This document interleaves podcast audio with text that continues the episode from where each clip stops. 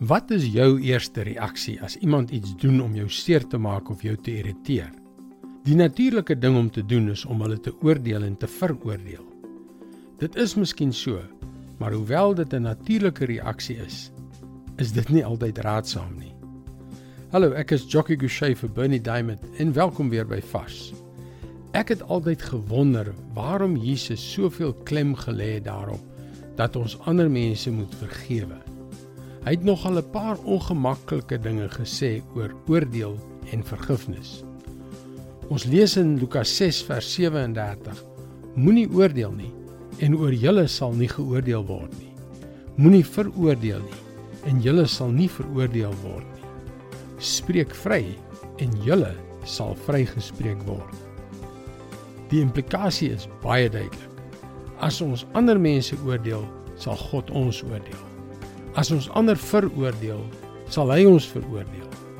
En as ons ander mense nie vergewe nie, sal hy ons ook nie vergewe nie. Dit is baie ernstig. Maar as jy mooi daaraan dink, maak dit regtig sin. As ons almal ander mense vergewe het, sou daar geen oorloë gewees het nie. En hoe meer jy erns daarmee maak en hoe meer jy vergifnis uitleef, hoe meer sal jy ontdek hoe jou spanning verdwyn. Laat vaar die oordeel en veroordeling en vergewe. Een van die slimste mans wat ek ken, is ook een van die wat die vinnigste is om te vergewe. Hy was my mentor en ek het in die 20 jaar wat ons saam gewerk het, by hom geleer wat vergifnis is. Hy het die gawe gehad om ongevraagd te vergewe.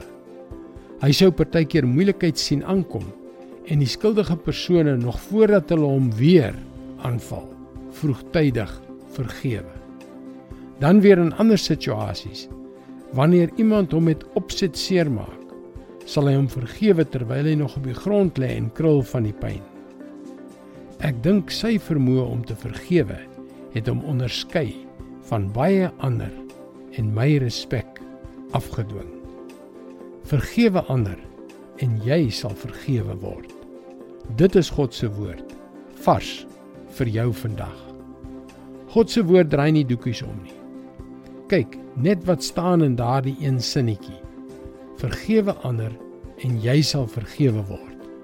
Dit kan jou hele lewe verander. En dit is soos God se woord werk. Dit is lewend en kragtig, lewensveranderend. Jy kan elke dag van die week so 'n boodskap in jou e-posbus ontvang deur in te teken op ons webwerf varsvandag.co.za. Ons is maandag weer terug met 'n vars boodskap net vir jou. Seënwense en mooi loop.